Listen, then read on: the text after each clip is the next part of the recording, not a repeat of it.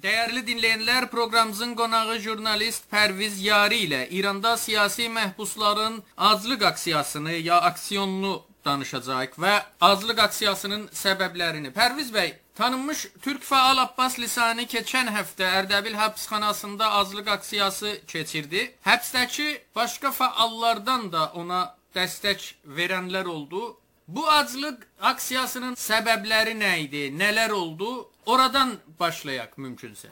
Bəli, keçən həftə Ərdəbil Mərkəzi Həbsxanasının rəhbərliyi siyasi məhbuslara təzyiqi artmaq üçün bu həbsxanada dəfalarca təkrarlanan bir hərəkətlə bir təhlükəli cinayət məhbusunu Ərdəbil həbsxanasının 7-ci bölməsinə, yəni siyasi məhbuslar bölməsinə götürdü. Bu yeni məhbus təhdidlər və şifahi toqquşmalarla 7-ci bölməyə girdiyindən etibarən Abbas Lisaniyə və başqa siyasi məhbusları incitdi. Bu hərəkət daha öncə də təkrarlanmışdı. Yəni 2020-ci ilin fevr fevral ayında da təhlükəli bir cinayətkar məhbusun Ərdəbil həbsxanasının 7-ci bölməsinə göstərilməsinin ardından bu bu məhbus siyasi məhbusları təhqir edərək və təhdid edərək qarşı durmalara səbəb olmuşdu. Bu yaşananlara reaksiya olaraq Ərdəbil mərkəzi həbsxananın ə, həbsxanasında həbs olan siyasi məhbus Abbas Lisani ə, Ərdəbil həbsxanada cinayətlərin ayrılması prinsipini həyata keçirilməsinə və təhlükəli cinayət cinayətkar məhbuslarının bu həbsxananın siyasi məhbuslar bölməsinə götürülməsinə etiraz olaraq 12 iyun 2021 səhərindən etibarən aclıq aksiyasına başladı.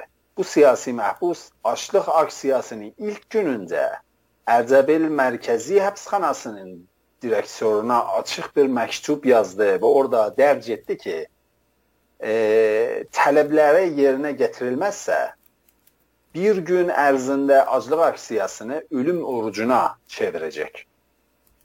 Bu siyasi məhbus bir gün sonra tələblər yerinə gətirilmədi və aclıq aksiyasını quru aclıq aksiyasına, yəni ölüm orucuna çevirdi. Eyni zamanda Ərdəbil həbsxanasındakı başqa bir siyasi məhbus e, Yunus Kari adında Abbas Lisani ilə eyni zamanda bu etiraz hərəkətinə dəstək olaraq aclıq aksiyasına başladı və ertəsi gün o da e, aclıq aksiyasını ölüm orucuna çevirdi. Bu iki məhbusun aclıq aksiyasının ikinci günü Ərdəbil həbsxananın həbsxanasında həbs olan başqa 3 siyasi məhbus daha, yəni ə, Əliyə Vasiqi, Rıza Vasiqi və Mehdad Şeyxi də Abbas Lisaniyə dəstək olaraq aclıq aksiyasına başladılar. Ərdəbil mərkəzi həbsxanasındakı Azərbaycanlı siyasi məhbusların aclıq aksiyasının 3-cü günündə Tehranda olan evin həbsxanasında həbs olan 3 e, türk siyasi məhbus Siyamak Mirzai, Kiyanuş Əslani və Behnam Şeyxi də bu etiraz hərəkətinə qoşulmaq üçün e, aclıq aksiyasına başladılar. Nəhayət Üçüncü gündə Ərdəbil həbsxanasının yetkililəri tərəfindən bu 8 siyasi məhbusun tələbləri qəbul edilməsinin ardından Azərbaycanlı siyasi məhbuslar kütləvi ə, e, aclıq aksiyalarını sona çatdırdılar. Pərviz bəy deyirsiniz təhlükəli məhbusların onların bölünməsinə yerləşdirilməsi. Misal məsullar gətirir, indi qətl, qəsb, təcavüz belə suçlarla hökm almış məhbusları, siyasi məhbusları incitmək üçün onların yanına yerləşdirir. Bundan öncə belə xəbərlər yayılırdı. Burada sistematik bir e, sistematik şəkildəmi olur bu? Bu fəqət həbsxanalarda yaşanmır təəssüflə. İran rejiminin siyasəti bu özəlliklə keçən 10 sənə içərisində çox ciddi bir şəkildə dəyişmiş. Daha doğrusu 20 sənə içərisində. Yəni bu cinayətkar şəxslər və quldurlardan e, bunlar istifadə eləməyə başlamış. Bir tərəfdən sokaqlara etiraz olaraq tökülən xalqı bunların vəsiləsi bastırılır. Bəzilərində həbsxanalarda e, siyasi məhbusları incitmək üçün kullanır bu İran rejimi. Təəssüflə bir çoxu da o siyasi məhbusların bölməsinə gətirildikdən sonra həm o şəxs karakter olaraq, həm yaşam tərzi olaraq, həm də düşüncə olaraq fərqli olduqları üçün bir yandan da həbsxanaların rəhbərlikləri onları tetik tetikləyərək, onlara bir imtiyazlar tanıyaraq e, bunları məhbuslara qarşı qışqır, qışqır, qışqırdırlar və onlara onları incitmək üçün istifadə edirlər bu quldurlardan və bu cinayətkar məhbuslardan. Pərviz bəy dediniz Abbas Lisaninin tələbləri, Abbas Lisani və digər məhbusların tələbləri bu dəfə yerinə yetirildi əslində. Aclıq aksiyasına son verildi. Onlar son qoydular. Həmişə belə tez nəticə alınırmı, yoxsa misal bu dəfə seçkilər məsələsi ilə bağlı bunlar bu tələblərə daha tez diqqət yetirdilər? Nə deyirsiniz bu xüsusda? Bu aclıq aksiyasının zamanlaması ilə bağlı nə deyirsiniz? E, mən də düşünürəm ki, bu aclıq aksiyasının zamanlaması çox e, ciddi bir etkisi olmuşdur. Bunu da unutmayaq və yaddan çıxarmayaq ki, Abbas Sani çox təcrübəli bir siyasi və mədəni bir fəaldır. Yəni hamımız bilirik aclıq aksiyası has, haqsızlığa məruz qalan və ümidi hər yandan üzülən bir məhbusun son silahıdır. Ancaq bu silahı da zamanlama e, zamanında kullanmaq gərəkir. Yoxsa məhbus özünə zərər verməklə bu e, aclıq aksiyası sona çatar. Abbas Sani çox zamanlaması da çox e, etkili idi. Bir yandan da çox ciddi dəstək gəldi cənabə Lisaniyə. Bir yandan Yusif Kari aynı zamanda Abbas Sani ilə aclıq aksiyasına başladı. Bir tərəfdən 3 məhbus daha Yəni fəqət Ərdəbil e, mərkəzi həbsxanasında 5-4 kişi Abbas Saniyə dəstək olaraq aclıq aksiyasına girdi.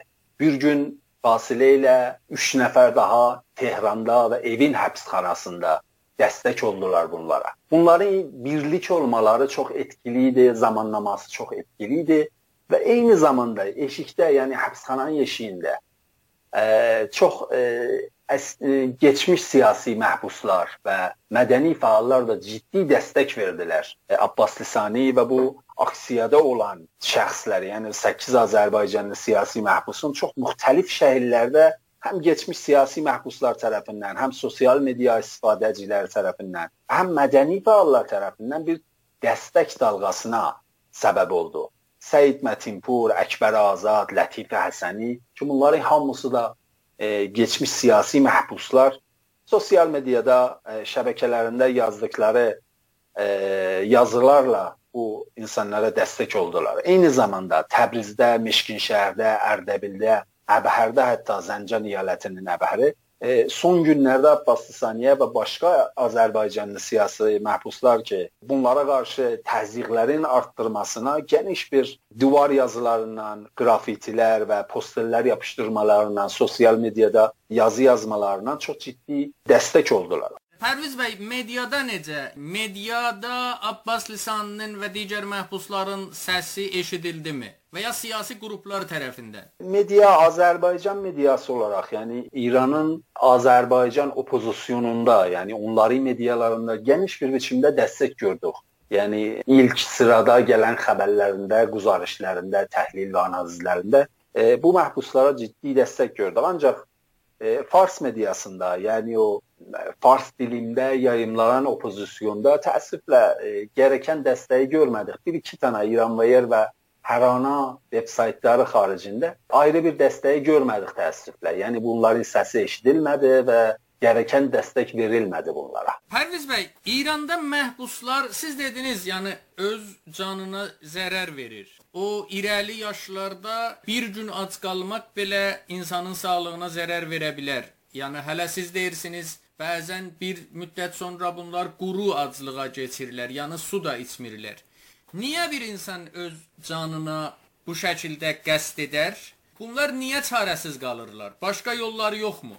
E, dediyim kimi, aclıq aksiyası haqsızlığa məruz qalan və ümidi hər yandan üzülən bir məhbusun son silahıdır.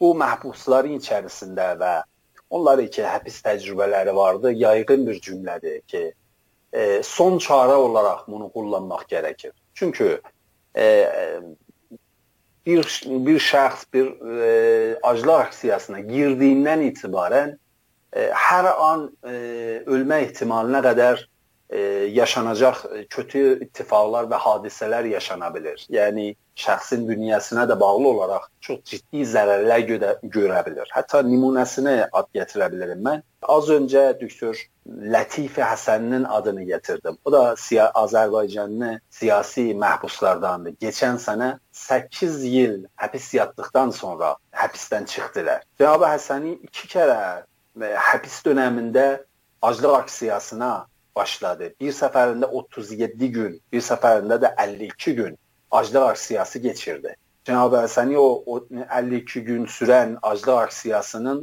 Abbas Lisani kimi bu cinayət cinayətlərin ayrılması ilkəsinin tətbiq olunmasına etiraz olaraq aclıq aksiyasına başladı. Dəlili də budur. Həbs özü zaten çox baskılı bir şeydir və məh məhbusa çox ciddi baskısı vardır və təzyiqi vardır. Bunun fazla bir təzyiq gəlincə, yəni bir cinayətkar bir məhbus buna əklənincə ya e, həbsxana rəhbərliyi tərəfindən ayrı-ayrı təzyiqlər gəlincə dayanılmaz bir mövqeyiyyətə gəlir və bu e, aclıq aksiyasına başlanmadan öncə Abbas Saninin də yaptığı kimi bir çox danışmalar olur. Gedərlər, danışırlar məsullarla, rəsmilərlə ki, bu müşkül həll olunsun. Ancaq bu müşkül həll olunmazsa son çarələri və son silahlarını ki, bu vəziyyəti dəyişdirsinlər və o təzyiqləri azaltsınlar, aclıq aksiyası olur. Pərviz bəy, ümumiyyətlə aclıq aksiyaları həm o məhbusların tələblərinin yerinə yetirilməsi, aksiyasının nəticəyə çatması baxımından, həm də bunun toplumdakı təsirləri, siyasi qruplar arasındakı təsirləri baxımından. Yəni İranda aclıq aksiyasının İranın siyasi mühitində anlamı nədir, təsiri nədir? Bir tərəfdən də buna bir mübarizə növü kimi baxmaq da mümkünmü? Bir şəxs bir mədəni fəal tutuklandıktan sonra en büyük e, təzyiqi ki yaşayırlar da bu həbsxanalarda unudulmaqdır. Yəni bir yandan həbsə girib artıq fəaliyyətlərinə davam edənlər, bir yandan da unudulmaq, yəni e, toplum tərəfindən unudulmaq da onu çox rahatsız edən bir şeydir. Çünki irtibatı bir çox məsələlərlə kəsilir və tək əgər müsahidə edilirsə və telefon kullana bilirsə, ailəsinə, dostlarına zəh vura bilirsə, bəzi ittilatları ala bilir.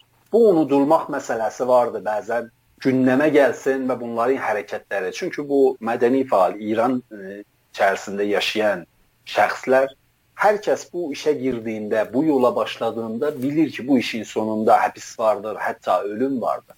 Çünki İran tərəfindən, İran rejiminin tərəfindən çox ciddi və sərt bir şəkildə bastırırlar hər növ hərəkəti mədəni. Bu nədəndən dolayı bunlar e, həbsxanaya girdikdən sonra da bu hərəkətlərini, bu mübarizələrini davam etdirmək istəyirlər.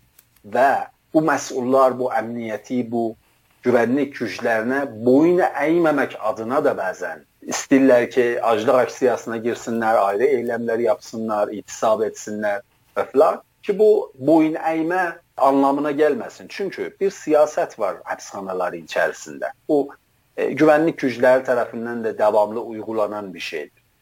Eşikdə olan bir mədəni fəalın tutuqlandıqdan sonra həbsxanaya gətirib və bunu e, qürurunu, karakterini və ümidini qırmaqdır və ya onu o qədər qorxudub ki, bu həbsxanadan çıxdıqdan sonra artıq e, siyasətə qarşı, artıq dövlətə qarşı və onun siyasətlərinə qarşı heç bir şey əlindən gəlməsin, yapmasın və qorxsun və tamamilə silinsin fəaliyyətlərindən və bu toplumun içərisindən. Mədəni fəallar və məhbuslar cəzaevində və e, həbsxanalarda e, bu hərəkətlərini davam etdirmək istəyirlər və qırılmaq istəmir bunların qüruru və dayan e, bir dayanışma içərisində səy edirlər ki və təlaşları budur ki, həbsxanaya çıxdıqdan sonra da başarsınlar fəaliyyətlərini davam etsinlər. Çünki ilk gələn təzyiqə qarşı bunlar bir dirəniş göstərməzsə, artıq zamanla bunların o ümidi və qüruru və xarakteri qırılacaq. O təcrübəli məhbuslar hər zaman tövsiyə edirlər ki, qolay-qolay özünüzü qırmayın, ümidinizi əldən verməyin və hər təzyiqə qarşı da dirəniş göstərməyə çalışın ki, bu təzyiqlər çoxalmasın və bu ümidiniz kəsilməsin. Yoxsa bu hədis özü e, başlı başına bir böyük e, baskıdır və böyük bir təzyiqdir və insanların ümidi kəsildikdən sonra zaten həbsdə o karakter də dəyişir, o qürur, o şəxsiyyət də dəyişir və başarmaz ki, dışarıya çıxdıqdan sonra yoluna davam etsin.